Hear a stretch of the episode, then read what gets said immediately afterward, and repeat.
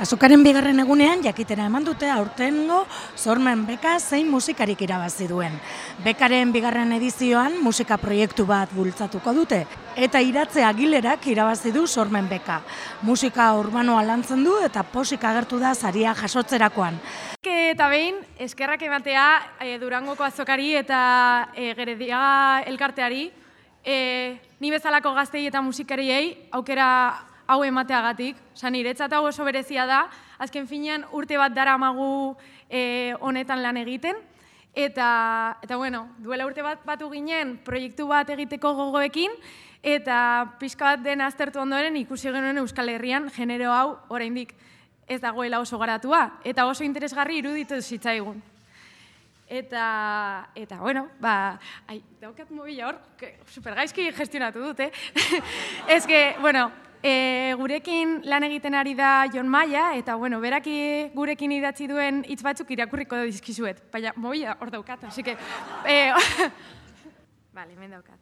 Bueno, hitz hauek dira, pixka bat, e, gure proiektua definitzeko, uste dut oso politak direla, eta horrela hobeto ulertuko duzuela. Gure proiektua periferian sortzen da, Euskararen periferian. Garrantzitsua da periferiako Euskal Nortasun eta identitate berriak proiektatzea, Euskaraz eta Euskal Herri osora. Alaber, garrantzitsua da Euskarari ia presentziarik ez duten musika molde berriak eta kultura dierazpen berriak gehitzea. Hori, periferiatik bertatik gertatzea, area berazgarriagoa da. Proiektu hauek bultzatzea garrantzitsua da Euskaren entzat.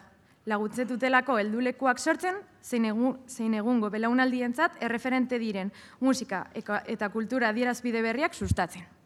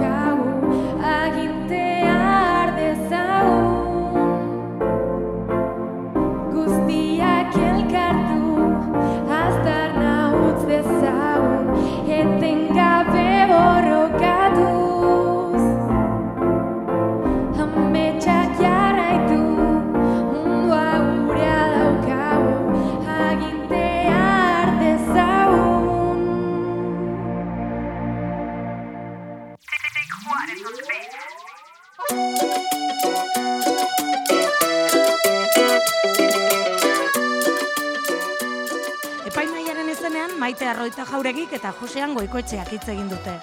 Sorben bekada egitasmoak kontuan ditu kultur sorkuntzaren barruan Durangoko azokak bere baitan hartzen dituen distilpinak. Hau da, literatura, musika, arte eszenikoak eta ikusentzunezkoak. Proiektuan erakutsitako estilo nazketak oreka du. Eh? Regetoia, bumbatoia, trapa, rapa, hip-hopa eta bar baita ahotsona eta nahiko pertsonala ere. Grabazio zaindua eta efektu orekatuekin.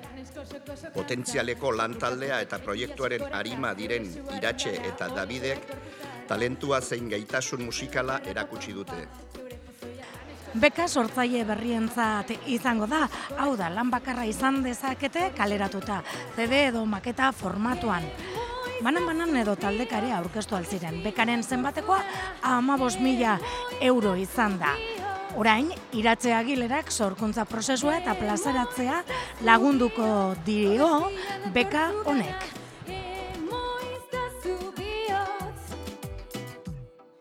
Emoiztazu bihotz Rapapam-pam Emoiztazu bihotz Rapapam-pam-pam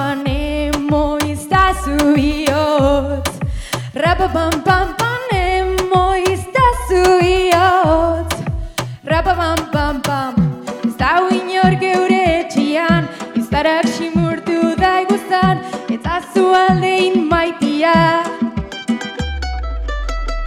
Ez da uinor geure etxian Iztarak simurtu daiguzan ez azu aldein maitia.